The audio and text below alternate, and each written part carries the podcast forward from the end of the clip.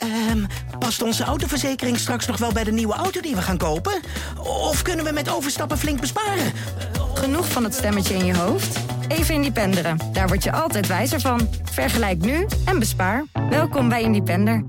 Welkom in een nieuwe boekenkaasaflevering, aflevering nummer 22. Dit keer hebben wij uh, Tom van der Lubbe. Welkom Tom. Hallo Erno. En ikzelf, Erno Hanning. Uh, het boek Never Eat Alone van Keith Ferrazzi gelezen. En het, is, het is een leuk boek. Het is niet ingewikkeld, het leest simpel, het is praktisch toepasbaar. Iedereen kan het. Het, het, het is niet doordrenkt van onderzoek, niet doordrenkt van allerlei academische taal. Het is gewoon echt gewoon een leuk, eenvoudig, goed te lezen boek. Dat is mijn door de bank genomen conclusie. Wat van jou? Ja, ik was een beetje in dubio. Ik had het natuurlijk al een keer eerder gelezen. Ik had het. Uh, ik weet eerlijk gezegd niet meer waarom ik het ooit gelezen heb. Nou, ik vermoed dat ik het gelezen heb omdat het me wel integreert hoe systematisch die Amerikanen met een hoop van dat soort dingen bezig zijn. En dat valt me als, als actieve LinkedIn gebruiker valt mij het ook op, maar dan komen we naar de hand wel naar de, naar de inhoud. Alleen, ik ben een beetje in dubio of ik, of ik het een goed boek vind, omdat ik het interessant vind om te zien hoe andere mensen met hun netwerk bezig zijn. En ik dat ik niet op zo'n manier uh, zelf doe. Of, uh, of dat ik toch lichte irritatie heb over, over, over het feit dat het zo kwantitatief is. Dus, uh, maar dat, dat komt dadelijk wel, denk ik. Eens, ik denk dat dat waar is. Het, de structuur is natuurlijk, het proces wat hij opgezet is natuurlijk heel logisch, maar tegelijkertijd, weet je, de, het is doordrenkt van achterliggende gedachten om dingen allemaal opgezet te organiseren. En, en, en tegelijkertijd in de inleiding begint hij te vertellen dat je, dat je het niet moet doen, uh, moet ik het zeggen, dat je rekening houdt met, met verwachtingen. En, en, tegelijkertijd richt, hij wel zo in dat hij juist dat zo doet. Het is zo apart. Ik heb het in 2014 gelezen en ik, ik weet nog uh, wel, een van de belangrijke dingen die ik onthouden heb uit het boek toen, en wat ik ook geprobeerd heb om voor mezelf te zetten, was, was de titel waar het om ging, Never Eat Alone. En, het onderdeel in het boek daarover, over dat je diners organiseert waar mensen komen en je netwerk daarmee ver, verrijkt en versterkt. En dat, en dat vind ik nog steeds een heel mooi principe. Het gaat natuurlijk nu op dit moment heel erg ingewikkeld, dat is niet handig om dat nu te doen. Maar daar, komen ze op terug. Het boek bestaat uit vier onderdelen: de mindset, de skillset, turning connections into compatriots een woord wat nooit zullen gebruiken in Nederland. En Trading Up and Giving Back. Dat is waar het over nagaat. Het is ook een iets ouder boek, 2005. En dat merk je ook, want hij noemt ook in het boek een aantal mensen tools en middelen die ondertussen niet meer bestaan. Bijvoorbeeld Plaxo. Dat was een geweldige tool. Ik heb, ik heb er zelf toen gebruik van gemaakt. Maar sinds 2017 bestaat het al niet meer bijvoorbeeld. Dus dat zie je een beetje, uh, dus, moet, je, moet je een beetje doorheen kijken af en toe. En tegelijkertijd is het boek in mijn optiek heel actueel. Want je ziet in de coronatijd hoe de behoefte er is om. En hoe belangrijk we het ook vinden dat er fysiek contact is en dat we mensen ontmoeten. En omdat het niet mag, merk je van frek, dat missen we echt. Dus tegelijkertijd denk ik, ja, het is ook wel weer een heel actueel boek daardoor. Het eerste stuk, de mindset. Wat, wat, wat heb jij daarover? Ja, ik denk wat jij net zei, dat, dat eigenlijk zijn, zijn insteek is eigenlijk een beetje van intrinsiek. Dus om misschien even het derde hoofdstuk te pakken, what's your mission? Dus dat het toch wel heel erg, heel erg is van, nou ja, denk gewoon over na wat voor jou zelf belangrijk is. En, en, en, en, en probeer eigenlijk dat, uh, de why zou je tegenwoordig bijna zeggen. En dan komt dat in principe wel. Bijvoorbeeld in hoofdstuk 2 staat don't keep score. Maar ik vind nou juist dat de rest van het boek daar een beetje over gaat. Dus van dat lijstjes en streepjes zitten. En hoeveel mensen heb je een kaartje gegeven. En uh, uh, hoeveel mensen spreekt uh, Hillary Clinton op één verkiezingsdag? Weet je, dat is dus juist, juist weer een beetje tegenovergesteld. Dus daarom dat ik. Het sluit een beetje aan bij hoe ik het boek eigenlijk afgesloten heb. Dus ik zou zeggen, in het begin dacht van ja, oké, okay, don't keep score. Denk na over wat je intrinsiek bezig houdt. En, maar dan later in het boek is hij toch heel erg streepjes aan het zetten. Dus, maar de, de, de mindset is denk ik wel, ja, positief gezien, als je vanuit je why op stap bent, is het gewoon goed om ja, om, om, om te zenden en een verhaal te hebben. Ja, en ik denk ook dat Don't Tip Score, weet je, een houding die wij allebei natuurlijk wel erg hebben, is dat we gewoon heel vaak gewoon dingen geven zonder daarvoor iets te verwachten. En dat is wat hij in het deel zegt. Hè? Dus, dus geef zoveel mogelijk, verwacht niks. Ja. We hebben allebei zoiets van, het komt vanzelf een keer bij ons terug. We hebben geen idee van waar, door wie, wanneer, maar het komt gewoon een keer bij ons terug. En doe je dat niet, hou je krampachtig vast aan, oké, ik verwacht iets voor wat ik geef. Ja, dan, dan, zal je netwerk niet echt groeien. Dan zul je gewoon geen effectief groot netwerk krijgen die je zou helpen. Omdat moment, me- mensen weten dat. Mensen proeven dat, dat, jij eigenlijk alleen maar dingen geeft omdat je iets terug verwacht. Of dat je ehm, iets van hen vraagt zonder dat je daar zelf iets van geeft. Nou, en en dat, dat, dat werkt uiteindelijk niet. En het andere ding wat ik nog mooi vond in het stuk was bouwen het voordat je het nodig hebt. Want daar gaat ook vaak mis. Ja. Mensen beginnen pas te bouwen met netwerk op het moment dat, het, dat ze het nodig hebben. En dan moet je niet aan mensen vragen om ja, jouw hulp te bieden, terwijl je eigenlijk al veel eerder moet investeren om in je netwerk, om dat uit te bouwen en dingen te geven, terwijl je nog niks van ze verwacht. Dus op het moment dat je iets nodig hebt, ook gewoon dat makkelijker kunt vragen. Dat is, daar vond ik ook wel een goeie. Ja, wat, wat misschien wel belangrijk is, want dit is, ik, ik, dat is eigenlijk meer spontaan, eh, om even aan, te vullen over die mindset. Hè, dus dat je eigenlijk gewoon, ik zou maar zeggen, het, idee is eigenlijk, bijvoorbeeld als je bijvoorbeeld mensen met elkaar in contact brengt, ja, dat je dat doet omdat je dat gewoon ja, leuk vindt, of omdat je dat, eh, ja, daar, zit geen bedoeling achter. En nou heb ik toevallig, want ik ben, ben eh, eh, de schoolvakantie geweest, ligt er een briefje bij mij op, eh, op, op, mijn, op mijn tafel. En dat is op zich wel een aardig voorbeeld, omdat het helemaal niet met die business context te maken heeft. Ik heb een vriend in Berlijn, die is fotograaf. En die kunstenaars op dit moment, die hebben best wel een moeilijke tijd. En die, en die, die fotografeert eigenlijk Berlijners. Ik dacht op een gegeven moment van, ja, wat, wat doet die Florian op dit moment nou eigenlijk? Toen heb ik hem gecontacteerd en zegt, hey Florian, moeten eens met elkaar eh, praten. Ik ben benieuwd wat je op dit moment doet. Fotografeer je überhaupt nog? En hij zei, nee, best wel lastig. Een beetje motivatiedipje. En toen zei ik van, nou, het zou toch nu heel interessant zijn, juist die mensen in jouw omgeving in de straat te fotograferen. En dan, eh, er is altijd een verhaaltje bij, wat, wat, wat doet die lockdown met jou? Nou, krijg ik twee weken later een briefje, Lieber Tom. Ik zal het meteen even in het Nederlands vertalen. Hartelijk dank voor je inspirerende eh, telefoongesprek. Beste groeten, Florian. Nou, dat is dus Dat is een fotograaf in Berlijn. Het heeft helemaal niks met een business context te maken. Ook niet met scaling up of fintech of weet ik veel wat allemaal. En waarom doe je dat? En dat denk ik pas wel aan bij die mindset. Omdat je denkt iemand ergens mee te kunnen helpen. Nou, nou gaat hij mij geen omzet leveren. En ook geen, dat is een hele andere tak van sport.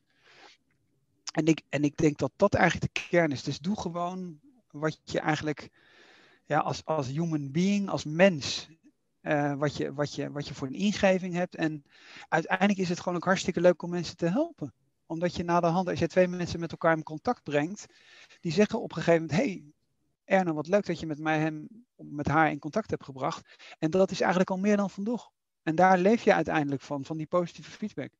Ja, het is wel. Ik heb ook wel een aantal mensen gehad die ik gecoacht heb, die dit vaker doen bij mensen en toch ergens dan een verwachting hebben. Dus mensen starten een bedrijf dat succesvol is, lanceren een idee, wat ze, naar aanleiding van een brainstorm die hebben ze gehad met die contactpersoon van mij. En die contactpersoon van mij, op een bepaald zegt hij toch, ja, het is toch wel raar dat ik daar niks voor terugkrijg. Dan zou ik toch ook een keer wat voor terug verwachten. Weet je? Dus blijkbaar um, is het voor de mensen ook wel weer ingewikkeld om dat los te laten. Om te zeggen, oh ja, ik geef je iets en dat doe ik gewoon uh, uit de grond van mijn hart. En ik verwacht er niks voor terug, nooit niet. Ik, dat komt vanzelf ik maak me niks uit. Het is toch niet voor iedereen zo eenvoudig als, als je denkt, merk ik, uh, in, in de praktijk. Maar ik denk nou juist dat die, uh, die positieve reacties, als ik bijvoorbeeld ergens een podcast interview heb gedaan, dan, dan heb ik heel vaak dat ik zeg van, oh, je zou eigenlijk ook die moeten interviewen. Of ik denk dat, jij wel, dat dat wel een goede connectie is. En dan, dan ja, vind ik dat leuk om die mensen in contact te brengen. En als ik dan naar de hand zie dat dat, dat, dat, dat, dat interview online komt, denk ik, schiet spontaan te binnen communicatiepodcast. Dat is iemand die, die doet een, podcast over communicatie. Dan ik sta, je moet die Dennis Mensik interviewen. Die heeft het boek over lief geschreven. Een hele hoop aan die ondernemers. Dan gaat het helemaal niet om of ik van Dennis wat wil of van Karin van der Noord. Nee, dan gaat dan denken, oh, dat zou een leuk gesprek kunnen zijn. En als ik dan naar de hand dat gesprek online zie, ja, dan vind ik dat voor beide vind ik dat leuk. En ik denk dat dat eigenlijk ook wel voor de meeste mensen zo geldt. Dus het is helemaal niet zo dat je dan dat je dat, maar dat is als jij een oude dame de straat over helpt, dan verwacht je daar ook niks voor. Maar als ze je dan vriendelijk en tevreden aankijkt en zegt, wat fijn dat u mij even geholpen heeft, dan is dat toch al meer dan voldoende, weet je. Dat is een beetje dat, ik zou het ook niet altijd groter willen maken dan dat het eigenlijk is. Nee, precies. Dat denk ik ook. Ik zag, ik zag een videootje van, week, uh, van weekend op Twitter, denk ik. En dat was een, een UPS-bezorger, of in ieder geval zoiets dergelijks, een pakketje bezorger. Die kwam een pakketje af in de coronaomstandigheden afleveren. En dat legde die op de veranda. En er kwam een oud vrouwtje uit de deur schuifelen. Die komt nog gebukt voorover, schuifelen op een pakketje. Op oh nee, oh nee, wacht, zegt En toen zag hij haar aankomen plotseling. Oh nee, wacht, wacht, wacht, stop, stop, stop. Blijf maar daar. Want was sneeuw op de veranda, lachte allemaal, weet je wel. Dus het deed moeite om dat te komen. Dus hij pakte de doosjes op, nam haar aan de arm, weer terug naar het huis. Gaf het doosje netjes af. En toen zie je, later zie je dan, en dat met die deurbellen tegenwoordig, al met die video's allemaal, goed natuurlijk uh, het uitaan kwam hij terug na een anderhalf uur om de veranda schoon te maken, sneeuwvrij te maken. Nou, gewoon om, nou, hij zag dat dat gewoon natuurlijk niet handig was voor zijn vrouw met een sneeuw eh, op de veranda. En toen kwam zij ietsje later kwam ze met ehm, twee koeken aanzetten voor hem, toen, hij bijna klaar was. Dat soort dingen, dat is, dat is, het gewoon. Weet je? Dan, iedereen, je wordt er zelf gelukkig van. Die andere persoon die geeft iets, die wordt er gelukkig, die krijgt iets. Dus het is gewoon het, het gelukgevoel vermenigvuldigt zich gewoon. Het is zo simpel. Ja, als iedereen zich zo zou gedragen, dan zou het een allemaal een veel prettigere wereld voor iedereen zijn. Exact, exact.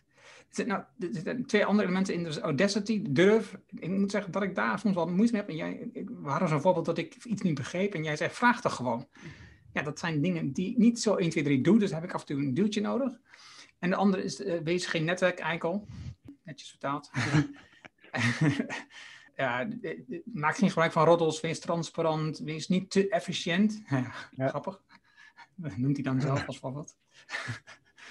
Oké, okay. uh, deel 2 is Nederlands vertaald de vaardigheid die je, hebt, uh, die je kunt ontwikkelen om dit te doen. En ja, trap jij maar af. Ja, wat ik interessant vind is omdat ik ook een beetje. Ik, als je dan zelf vaker ergens spreekt of, of uh, krijgt best wel veel uh, LinkedIn-connectie verzoeken.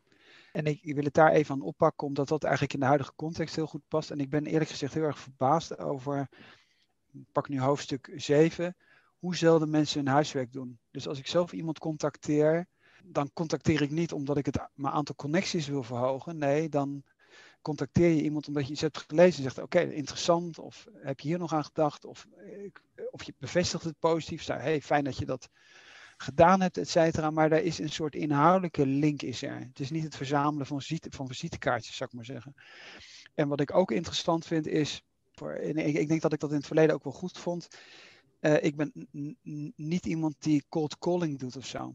Dus als ik, als ik, als ik, als, als ik naar iets van, nou, ik wil daar iets mee, of laten we transitie maken naar uh, hypotheekverstrekken, om even in onze business context weer even heel praktisch te blijven. En ik zou met pensioenverzekeraars willen praten, of, of pensioenfondsen, ja, dan kijk ik wel even, hey, wie kent diegene en, en kun je me een introductie maken? Of, en, maar dan zal ik nog steeds zorgen dat ik eigenlijk weet waar ik het over heb. En dat valt mij wel op, dat als ik vaak benader word, dat mensen zeggen, oh, you're interesting profile. En als ik dan zeg, ja, wat heb je dan gelezen? Dan zegt dan komt niks. En dan denk ik van ja, wil je nou uh, een streepje erbij hebben of uh, vind je het inhoudelijk interessant wat ik ergens heb verteld of zo?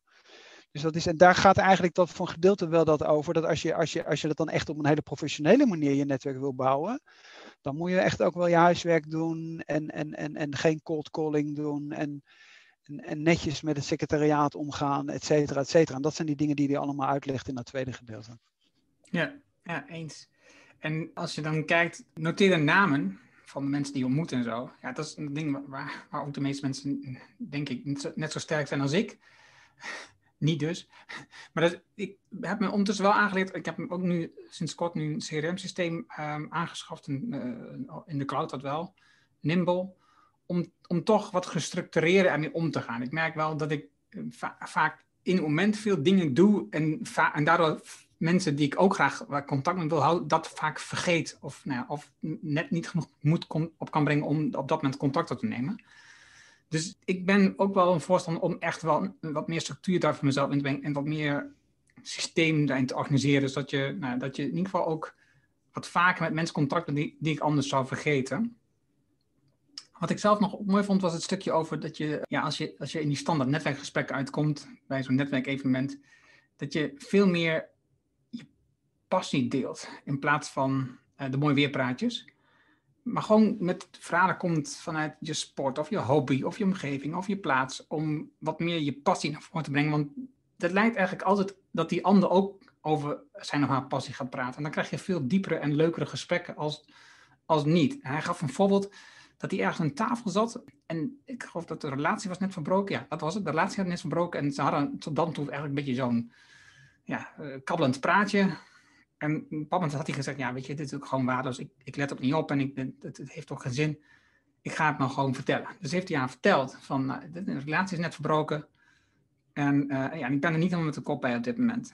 Oh, oh, het erg vervelend. En zij begint te vertellen over haar verbroken relaties. En uiteindelijk zit iedereen aan die tafel te luisteren en mee te praten over hè, de, relatie die verbroken is. Dus zo zie je dat ik denk dat het ook in dit soort gevallen. En, je krijgt een veel diepere relatie met mensen. En mensen krijgen begrip voor je. Als je gewoon vertelt waar je mee bezig bent. Wat, gewoon, wat je bezighoudt. Wat je, waar, waar je aan denkt. En, en dat, vond ik een, dat vond ik een leuk hoofdstuk. Maar hij zegt anderzijds, zegt hij ook weer dat hij niet aan netwerkevents doet. Nee, dat klopt. Maar, dat, maar goed, dat is denk ik het verschil van netwerkevent. Dus je hebt natuurlijk gewoon, zoals je bijvoorbeeld Open Coffee hebt. Ja, ja, ik begrijp wat je bedoelt. Dat is een, een, een standaard netwerkevent waar iedereen heen gaat die dus geen werk heeft. En dat zijn praat met allerlei mensen die ook geen werk hebben. Ja. Dus schiet geen drol op. nee, dit is gewoon zo. Het is leuk en gezellig, maar het, het schiet uiteindelijk geen drol. Je kan veel beter in een netwerk instappen of naar mensen stappen waarvan je verwacht dat die bijdragen aan je missie. Ja. En, dus, en daar wat gestructureerd, en dat is, ja, dat is denk ik wel wat ik zelf nu ook wel wat beter kan ontwikkelen, waar ik aan bezig ben op dit moment. Ja, en als je dan een, een onderdeel niet mag vergeten, is opvolgen. Opvol als je niet opvolgt, dat is killing. En dus als je iemand hebt ontmoet en je vond het een interessant persoon, nou even vanuit gaan, stuur dan een berichtje binnen 12 tot 24 uur. Uh, laat dat van je horen. Zeggen hoe je het vond. Hoe het en ga, ga zo'n voorbeeldmailtje wat iemand had gestuurd. Dacht, Jezus, kots heb ik er zo bijgezet voor mezelf. Dit is echt zo verschrikkelijk Amerikaans, zo dramatisch. Maar gewoon laat van je horen. Dus, gebruik gewoon een combinatie van, van een kaartje in de post met een e-mailtje of een telefoontje. Maar laat gewoon van je horen. Laat weten dat je, dat je het interessant gesprek. Net, net, net, nou, mensen vinden dat ook gewoon fijn. Mensen vinden het fijn dat je erkent wat dat, dat, dat je naar hen geluisterd hebt, dat je iets terugbrengt van, oh ik heb dat en dat van je gehoord, of uh, lees dit even, want dat was interessant wat je vertelde, en misschien heb je hier nog wat aan. Dat vindt iedereen gewoon fijn dat je aandacht hebt gegeven. Ja, klopt. Oké, connecties in, nou ja, de Nederlandse taal die ik kon vinden was landgenoten veranderen. Ik kon niet, uh, wat is een betere vertaling? Compatriots, medestrijders. Ja, zoiets. Oké, jouw ding, begin. Ja, ik vind het lastig. Ik denk wat ik hier wel weer merkte is dat, uh, maar misschien is dat ook wel weer een cultureel verschil. De insteek is zo elke keer weer vanuit het doel, zou ik maar zeggen. Dus om nou even bijvoorbeeld het voorbeeld te nemen, dan heeft het, gaat het over gezondheid en kinderen, et cetera. En dan zegt hij, ja, nee, maar dat is als, je, bedoel, als er iets belangrijk is, zijn het kinderen. Dus als je iets voor kinderen kunt doen, dan is het een hele goede manier om te netwerken. Ja, en zo, zo, zo zitten wij denk ik niet in elkaar. Dus als ik, ik noem maar wat, als, als, als er iets is en ik zie van, oké, ik kan iets voor die kinderen doen. Of ik noem maar wat, we zijn het huis aan het opruimen. Dan ga ik niet nadenken aan wie zou ik nou wat kunnen geven voor mijn kinderen, omdat dat dan een goede netwerkconnectie is. Nee, dan zou ik of de boel buiten zetten en een briefje aan doen gratis mee te nemen. Of, of zeggen van hey, wie heeft dat, wie kan dat goed gebruiken? Of wie heeft er misschien minder financiële middelen? Maar daar, dat, dat is, ik, ik, ik zou dat dan niet gebruiken, weet je? Of ik noem maar wat, of het net even over corona gehad, et cetera. Als je dat voor iemand kan regelen, dat, dat, dat, dat doel van dat netwerk zit er dan helemaal niet achter. Ja, nee, hier zie je, denk ik, wat je al schetste, hier zit ook die dubbeling achter. Ja. Die dubbeling aan de ene kant, je moet het niet bijhouden, je moet geen score bijhouden. En aan de andere kant, kijk, health, wealth and children, dat zijn diep emotionele connecties met mensen. En dat wil ik gewoon, als je daar iets in kunt doen voor iemand, dan is die oneindig dankbaar en hij zal je nooit vergeten. Ja. Waarom, waarom doe je het nu? Doe je het nou om geen score bij te of doe je het nou wel om score bij te houden? Weet je? Dus dit, dit, is zo, dit is echt, denk ik, een voorbeeld van waar dubbele enorm naar voren komt. Ja, en dat heb je ook dat voorbeeld wat hij noemt op pagina 177, in ieder geval in deze uitgave, Vernon Jordan. Dat is dan een advocaat uit Washington. Een, een, een, een zwarte mensenrechtenactivist, zou ik maar zeggen. Waar dan uh, Clinton ook mee bevriend is, et cetera. En dan gaat het erom, wat ze wat noemen ze een sociale arbitrage. Dus mensen aan elkaar te, te koppelen. En zo denk van ja, nou, als je, als je, nou, als je het nou belangrijk, als je de sociale mobiliteit belangrijk vindt dan probeer je het universiteitssysteem te veranderen. Of je probeert eh, andere federale uitgaven te doen, et cetera. Of gaat het je nou alleen om, om ook die zwarte kiezers voor je te winnen? Weet je, als je president wil worden. En dat is een beetje waarvan ik denk van ja, daar zag je het bijvoorbeeld ook weer heel duidelijk terugkomen. Dan denk ik van ja, nou, als je, als je, dat, als je die mensenrechten heel relevant vindt, dan heb je een programma waaruit dat blijkt. Meer, meer geld naar staatsscholen, uh, et cetera.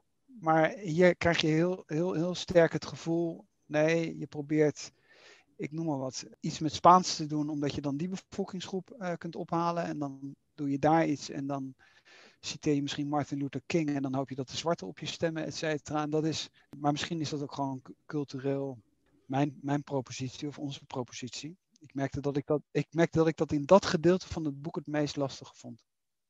Nou ja, je ziet het ook in een name dropping. Je ziet het is zo vaak of die bekende namen laat zien. En dat is nog tot daar aan toe. Maar hij vermeldt ook even dan terloops elke keer even bij dat hij ze kent. By the way. Ja. ja. En dan, je vriendin van mij. Ja. Dat is weer totaal niet Nederlands. Dat zouden wij, dat zouden wij niet doen. Weet je wel? Ja, en je kan ook eens wel bellen met de directeur van Albert Heijn.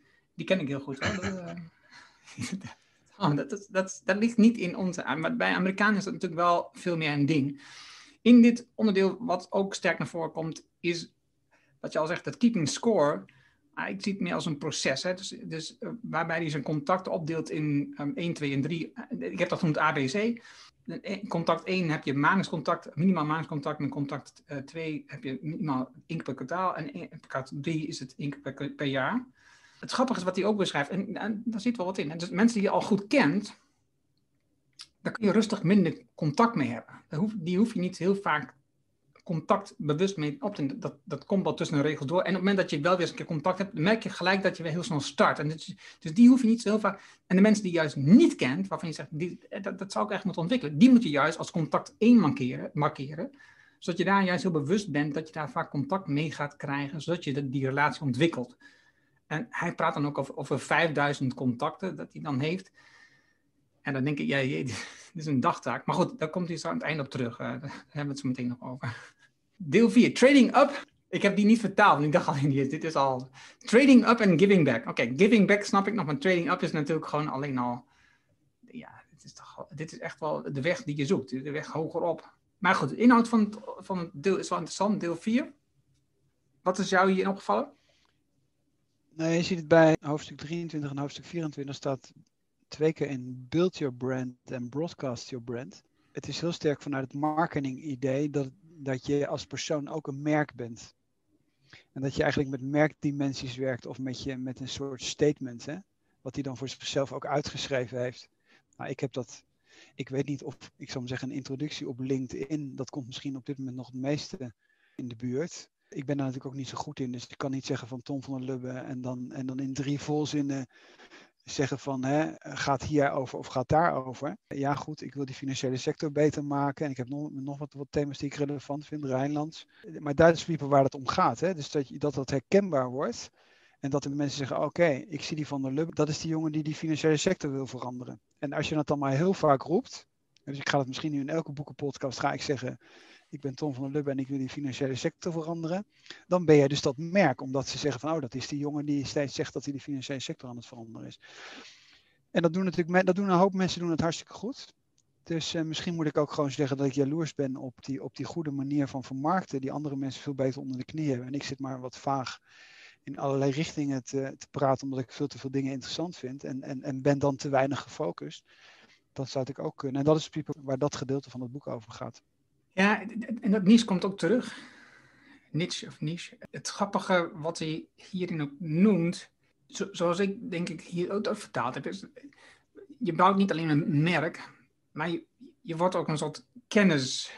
Het is door alleen te zeggen, ik, ik, wij willen de financiële wereld veranderen, maar als jij alle kennis verzamelt rondom dat punt en die inzichten deelt met mensen, dus, dus deel, je, deel je merk, maar dat is ook veel meer deel je kennis, dus schrijf en publiceer. Ja dus deel alle kennis die jij kent op het gebied hoe je de financiële wereld, de financiële markten kunt veranderen, op de kop zetten, ehm, verbeteren. Wat is er mis daarin? Gaan mensen in je netwerk, en dat moet je dus niet alleen gewoon broadcasten in het algemeen, maar dus vooral in je netwerk broadcasten. Het is op het moment dat, dat je dat dus doet met een consistentie en regelmaat, dan gaan mensen je zien als de, de bron, de informatiebron, de kennisbron voor dat onderwerp. En ik denk dat dat handig is. Ik, ik ben het daarmee eens. Ik denk dat dat super handig is dat je dat, je dat doet. Dat komt natuurlijk een beetje dat, is, dat ik het zelf ook zo doe. Kuch. Mensen zijn op zoek naar inzichten en kennis. En je kan als persoon niet alles zelf onderzoeken of ontdekken. Of, en dus op het moment dat je met iets zit waar jij zelf niet zo diep in zit, dan is het handig om iemand te weten die daar meer verstand van heeft. En als je, dat, als je daar niet consistent en duidelijk in bent, is het moeilijk om voor mensen om te zeggen: Ah, Tom heeft verstand van dat onderdeel. Ja. Dus ik, ik vind dit een goed onderdeel in het boek. en dat is het eerste deel van deel 4. En het tweede deel vind ik dan niet alles even goed in. Want dan heeft hij bijvoorbeeld, eh, hoe kom je dichter bij invloedrijke mensen? Ja, dan krijg je weer dat hele trading up verhaal. Je moet, je moet op zoek naar de hogere niveau. Dan denk je, ja, dat is gewoon... Maar goed, dat is meer daar zo aan. Sluit je aan bij, bij invloedrijke netwerken en besturen en politici en weet ik allemaal wat. Dus eh, dat zit dan natuurlijk ook in Amerika in. Fundraising, allemaal dat soort dingen. Daar moet je bij zijn. Dat zijn, dat zijn de juiste netwerken waar je bij moet zijn. Dan kom je hoger op. Nou, dat is niet zoals wij erin zitten. En hij heeft een bepaald ook een build it and they will come. Nou, dat is denk ik ook niet helemaal meer zoals het is. Ondertussen worden er zoveel mensen dingen gebouwd. Ze komen niet meer vanzelf op je af. Je moet echt wel even op de tom-tom slaan om dat te organiseren. En dat mentor-mentees verhaal, wat vind je daarvan? Ja, ik, ik, ik zou zeggen, ik ben daar niet zo goed in. Dus, uh, want dat wordt natuurlijk ook wel vaak in interviews gevraagd van wie heb je veel geleerd? En zo, dan zeg ik nou eigenlijk van iedereen. Want ik vind dat je van iedereen wel wat kan leren. En dan, en ja, dan verzamel je dat, zou ik maar zeggen. Maar ik kan niet zeggen van, hij heeft ook altijd over coaches en over een soort, een soort ja, bijna een soort, soort groep mensen die hij heeft. En net zoals je misschien in een bedrijf een soort advisory board hebt. Maar ik heb geen, ik heb geen personal advisory board. Maar ik noem wat op het moment dat ik, dat ik, dat ik, dat ik af en toe eens wat schrijf. Maar als ik een opinieartikel schrijf, dan schrijf ik omdat ik ergens me over opwind.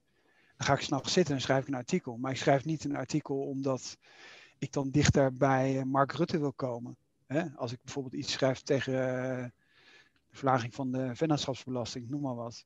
Dus, en, en die context heeft hij. Alleen wat ik wel interessant vind is afhankelijk van met een thema waar je mee zit, vind ik wel dat, je, dat het heel goed is om mensen gewoon te vragen. Dus als jij een podcast wil starten en je ziet dat Erno Hannik al 22 heeft gedaan.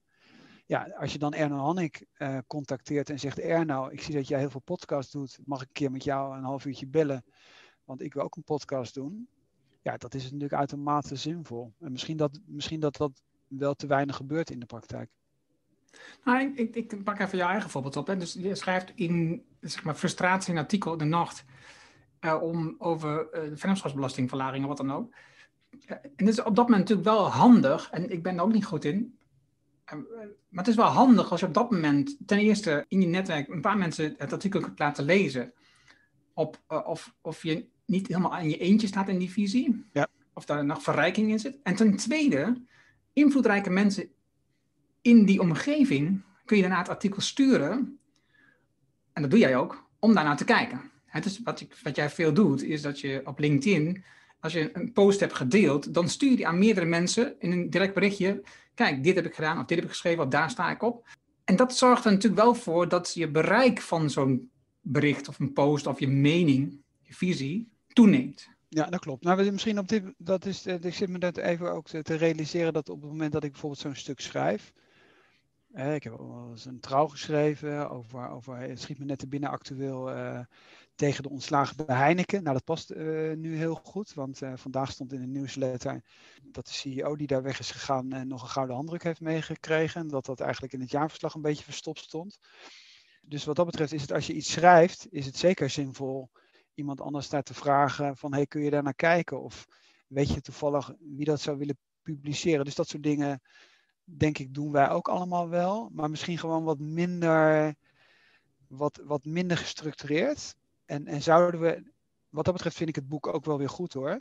Het, het dwingt je ook wel met een bepaalde professionaliteit daarnaar te kijken en te zeggen, nou zou ik misschien niet toch gewoon wat systematischer mijn contacten in een CRM-systeem moeten zetten? Of zou ik het niet eens wat systematischer moeten aangeven over welke thema's ik denk wat zinvols te melden te hebben, hè, wat dan hier onder brand uh, gepositioneerd wordt? Zou ik misschien in mijn tech, in mijn lijn van, van LinkedIn af en toe is wat pregnanter uh, dat moeten neerzetten? Dus ik wil dat ook niet, niet te zeer afdoen, want ja, de goede man doet dat wel heel professioneel. 100% ik vind, ik ben wel, eh, ik vind, ik vind het een interessant verhaal, mentor, mentees. Ik ben daar ook een voorstander van. Niet zeggen per se dat ik veel dorp ga, maar, maar wel mensen waar ik nou, regelmatig van praat, waar ik veel van geleerd heb. En zo heb ik in een mastermind met Pieter van Nos en Monique Polum. Mensen waardeer ik enorm. Wij hebben deze gesprekken bijvoorbeeld, en dat zie ik toch wel een soort, als een soort mentoring. Het is misschien meer gelijkwaardig, maar het maakt niet uit. Voor mij is het wel een soort mentoring. En dan tegelijkertijd denk ik, twee dingen wat je kunt doen, als, zeker in een levensfase waar ik bijvoorbeeld zelf niet in zit, dan, dan toch weer mijn kennis ook delen met jongeren. Dus als, als je mensen vindt die je om vragen, is kijken hoe je hun vaker kunt helpen om jouw inzichten te... En niet alleen dat, wat uh, Kief ook schrijft, Nee, ik leer ook van de jongeren. Dus het is, het is, het is een wederzijds, het is een wederkerig iets. Het, dus het is niet alleen dat jij iets aan kennis geeft, jij krijgt ook kennis van hun, van de huidige uh, ideeënwereld, de problematiek waar zij in leven. Dus ik, ik, ik vind het een mooi onderwerp en ik ben, daar, ik ben daar ook wel echt een voorstander van om meer te denken in mentoren en mentees. En ik denk ook dat het enorm past bij, als je kijkt naar het Rijnlands, als je je vakmanschap verdiept, het is ook leermeester en gezel. Dus een beetje vergelijkbaar in mijn optiek. Ik denk misschien dat het, eh, misschien zou ik het bijvoorbeeld ook veel systematischer moeten doen hoor. Maar wat mij, wat mij opvalt is, ik bedoel, ik, ik, ik vraag best wel veel mensen over bepaalde thema's. Maar dan is het gewoon iets waar, ik, ik zeg maar wat, ik bedoel, als, als bedrijf zou je bijvoorbeeld, eh, ik noem wat, wil je wel of niet een externe investeerder aan boord hebben? Nou, dan zou ik zeggen, weet je wat, ga eens even nadenken. Welke bedrijven hebben dat nou toevallig net gedaan? Of welke ondernemers ken ik? En dan, dan ben ik wel iemand die dan in LinkedIn of, of uh, dan zegt, weet je wat, ik ga eens even die tien, tien mensen maak een lijst en zeg, nou, ik ga die tien mensen even contacteren. En dan zeg ik, hé, hey, wat zou je doen? Of wat zijn je ervaringen, eh, et cetera. Maar, maar dat, misschien zou, zou, zou wat dat betreft dat ook als individu, misschien zou ik ook eens moeten nadenken over een soort advisory board voor Tom van der Lubbe.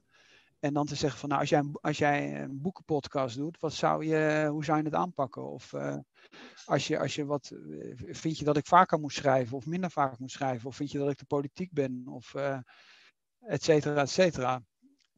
Ik, denk wat je zegt, ik denk dat hij, dat hij daar een goed punt heeft waar we, waar we nog veel van kunnen leren. Jij en ik zeker veel van kunnen leren, om dat, om, dat, om dat toch meer te structureren. En ik ben daar nu ook wel echt mee bezig, zoals ik al zei. Het laatste hoofdstuk, om, om dat af te ronden. Balans is onzin, zegt hij. Dus balans tussen privé en werk is totale onzin. Ja, dat is een punt waar ik zelf ook al altijd mee zit. En hij legt het op een grappige manier uit. Hij zegt, ik zie geen scheiding tussen werk en privé. De netwerken die doorkruisen elkaar. Ik breng net zo lief een verjaardag door met de vrienden van mijn werk als in mijn privé-netwerk. En ik heb het bewust omgedraaid. Dus vrienden van mijn werk en mijn privé-netwerk. Ja. Dat is een totale mix. En ik denk, ik heb ook zoiets. Ik heb ook zo'n gevoel dat dat zo in elkaar zit. Nu, ik werk vanuit huis. Ik heb bewust voor gekozen vanuit huiswerk om gezin mee te maken. Dus ik heb ook wel bewust gekozen om wel heel bewust hier te zijn. Om dat privé-deel ook te organiseren voor mezelf. Maar tegelijkertijd denk ik ook, ja, ik ben, ik ben Erno. Weet je, ik ben er altijd. En, en zo staat hij ook in de uitleg van hoe hij is begonnen. Is, het begonnen met zijn missie, maar dat is een persoonsgedreven missie. Na tijd heeft hij dat toegepast bij bedrijven in functies. Maar het is altijd vanuit de persoon gedreven geweest om daar dus bedrijf bij te helpen. En dat uiteindelijk weer, dat het bijdraagt ook aan zijn eigen missie. En dus ja, ja, ik denk dat dat een punt heeft. Balans is heel ingewikkeld en, en misschien ook gewoon onzin. Ja, maar ik zat, toen ik dat laatste gedeelte zat te lezen, moest ik denken aan dat boek van die Australische uh, zuster in het ziekenhuis.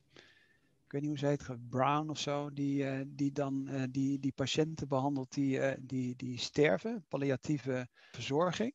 En op een gegeven moment uit, uit die, dat grote aantal gesprekken wat zij voerde, ik geloof vijf punten of zo. Misschien zou het een interessant boek zijn om dat een keer ook mee te nemen. Omdat ik het, ik zat er aan het eind van het boek over te denken en ik dacht van nou, zou niet ook weer less is more zijn? Dus hij heeft bijvoorbeeld één voorbeeld in, in het boek waar hij zegt van nou het beste, beste tijdstip om eigenlijk zo efficiënt mogelijk contact te houden, is de mensen feliciteren met hun verjaardag. En dan legt hij uit dat hij s'morgens heel vroeg de mensen op een mailbox spreekt, want dan, dan nemen ze namelijk niet op.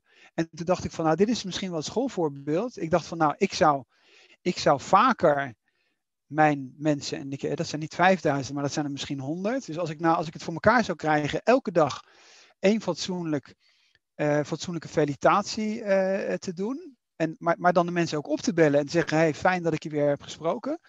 Dat zou toch veel meer waarde hebben dan dat ik 5000 mensen op een mailbox uh, spreek, s morgens om 7 uur, omdat ik er achter in de taxi zit. Want dat is het voorbeeld wat hij geloof ik noemt, dat hij in de taxi zit en dat doet. En dan denk ik van ja, is die kwaliteit niet nou juist, ik noem maar wat, één keer per dag met je moeder bellen? hè, die in corona nu alleen zit. En daar een half. Ik, ik, spreek liever een half uur met mijn moeder en vraag hoe het met haar gaat, omdat ze alleen woont. Dan, dan, dan dat ik twintig mensen op een mailbox spreek uit mijn netwerk waar ik contact mee wil houden, omdat ik dan op een gegeven moment wellicht ze nog een keer nodig heb. En dat is, dat is een beetje waarvan ik denk van nou, je denkt dat je er veel uit kunt halen. Maar ik neig voor mezelf ertoe te zeggen van nou, ik zou wat meer aandacht moeten besteden aan die, aan aan die vijf of tien belangrijke vrienden die ik eigenlijk veel te zelden spreek. Dat is mijn conclusie eigenlijk geweest van het boek. Ja, ik, ik, en ik, ik worstel nog steeds met dat stuk. Een dubbel gevoel wat ik je heb, wat, wat eigenlijk wat jij beschreef aan het begin. Het is, het ene moment, ik ben, mijn, ik ben mijn nieuwsbrief een bepaald moment gestopt, die om te versturen. Die ging dan naar 7000 eh, abonnees. Maar ja, als die mensen mij niks zeggen, wat heb ik er dan aan dat ik die nieuwsbrief stuur? Ik stuur liever een e-mail naar, naar 10 mensen die niet zeggen dan daar, naar, naar 7000 mensen. En tegelijkertijd praten jij en ik ook over het bereik van onze podcast en hoe die kunnen vergroten. Het is, is, het is een mengeling die ingewikkeld is. Je wil, op een moment wil je dat dat meer mensen leren over dit onderwerp en jou zien dat jij eh, iets te vertellen hebt in deze omgeving. En tegelijkertijd zoek je zelf de verdieping van de contacten met enkele mensen. Ja, ik vind het niet helemaal vergelijkbaar, omdat ik die omdat ik die nieuwsbrief van jou, wat hij zou doen, hij zou die 7000 mensen allemaal op, op de mailbox spreken, omdat hij toevallig de verjaardag in het systeem heeft staan. En dat is wat ik bedoel. Dus ik denk, wel dat, ik denk dat het goed is om over bereik na te denken. En ik denk dat het goed is om een nieuwsbrief aan 7000 of aan 70.000 mensen te sturen. Alleen ik denk dat het zinvoller is, is te zeggen, oké, welke tien vrienden heb ik? En hoe vaak spreek ik die? En weet ik eigenlijk wat in hun leven een rol speelt? Of spreek ik mijn broers en zussen, of mijn ouders, of mijn familie, et cetera? Omdat mij gewoon heel erg opvalt, en ik denk dat het heel veel mensen zo gaat, dat je uiteindelijk in de waan van de dag door je werk en alle andere beslommeringen die je hebt, als je nou zegt, wat zijn nou jouw vijf belangrijkste vrienden? En hoeveel tijd heb je met hen doorgebracht het afgelopen jaar, even los van corona? Of hoeveel krijg ik het al voor elkaar mijn, mijn, mijn tien beste vrienden op de dag dat ze jarig zijn een half uur te spreken en te zeggen, er nou, van harte gefeliciteerd, zullen we even bijpraten. Zelfs dat lukt mij voor een groot gedeelte niet, terwijl ik gewoon heel veel uren maak per week. En voor mij was de reflectie, Tom, je zou die prioriteit eens wat meer moeten leggen bij weinig mensen, maar dat systematisch in je agenda zetten en die opbellen op een verjaardag. In plaats van dat het in de waan van de dag op een of andere manier weer ja, je, ik vergeet dat dan. En dan uiteindelijk vergeten kun je niet. Dus blijkbaar, blijkbaar is die prioriteit die ik aan toebedeel gewoon te laag. En dat, daar heb ik me een beetje over mezelf geërgerd of geïrriteerd, zou ik maar zeggen. Mijn, mijn conclusie was, Tom, je moet dat beter doen. Ga niet 5000 mensen of 50.000 mensen bellen als uh, verratsie. Maar probeer jij nou als je tien vrienden systematisch elk jaar uh, te feliciteren en een half uur daarmee te praten op het moment dat ze jarig zijn. Ja, nou, ik, ik, ik heb hetzelfde eigenlijk dat ik daarmee bezig ben. En dat doe ik nu ietsje langer dan dat ik het boek aan het lezen was. Ik, de laatste maanden ben ik daar bewust mee bezig. En het boek heeft me daarin versterkt in die gedachte. Het is eigenlijk te belachelijk voor woorden dat ik dat hier moet zeggen, maar ik zeg het gewoon even eh, hoe ik hiermee om ben gegaan. Bijvoorbeeld mijn ouders, ik wil ze eigenlijk, eigenlijk wil ik ze vaak contact en, en dat komt er telkens niet van. Ja. Of als ik rustig zit, denk ik, en nu kan ik ze niet bellen, want uh, ze, zijn met, ze zijn met iets anders bezig, of het is verkeerd tijd, wat dan ook. Ja. Of als het goede tijd heb, heb ik, is het niet in mijn agenda. Dus wat heb ik nu echt serieus, wat heb ik gewoon gedaan? Ik heb in mijn agenda nu gezet op maandagmiddag om 12 uur en op vrijdagmiddag om 12 uur, dat ik ze moet bellen. Ja. Het is gewoon een to-do. Ja. Want wat gebeurt er dan? Dan krijg ik een melding op mijn telefoon dat er een actie is die ik moet. En dit klinkt voor waarschijnlijk een heleboel mensen te belachelijk voor woorden dat ik dat moet doen. Maar ondertussen weet ik ook, als ik het niet doe, ik krijg het niet voor elkaar. En dat is ook niet wat ik wil. Ik wil ook niet dat er geen contact is. Ja. Dus moet ik maar organiseren. Ja, maar ik denk dat in principe wat jij nu zegt, en dat vind ik eigenlijk ook de belangrijkere les.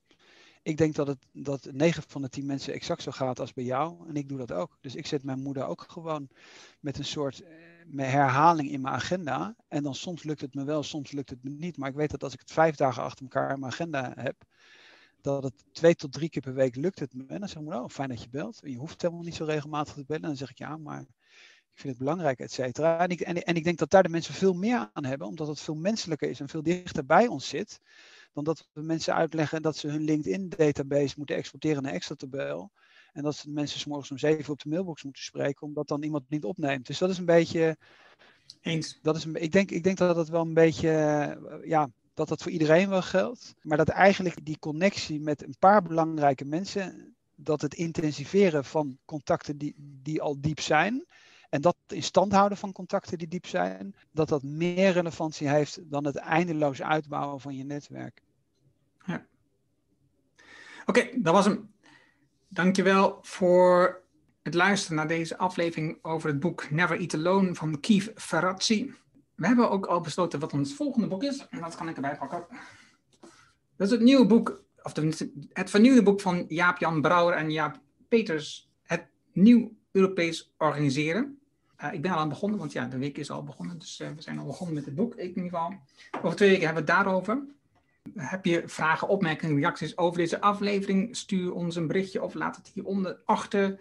Heb je een suggestie voor een boek? Ik heb er ondertussen weer een paar gekregen. Dank je wel daarvoor. Maar ook laat het hieronder achter, zodat we kijken. Kunnen we nou, dit boek lezen de volgende keer? Geen idee.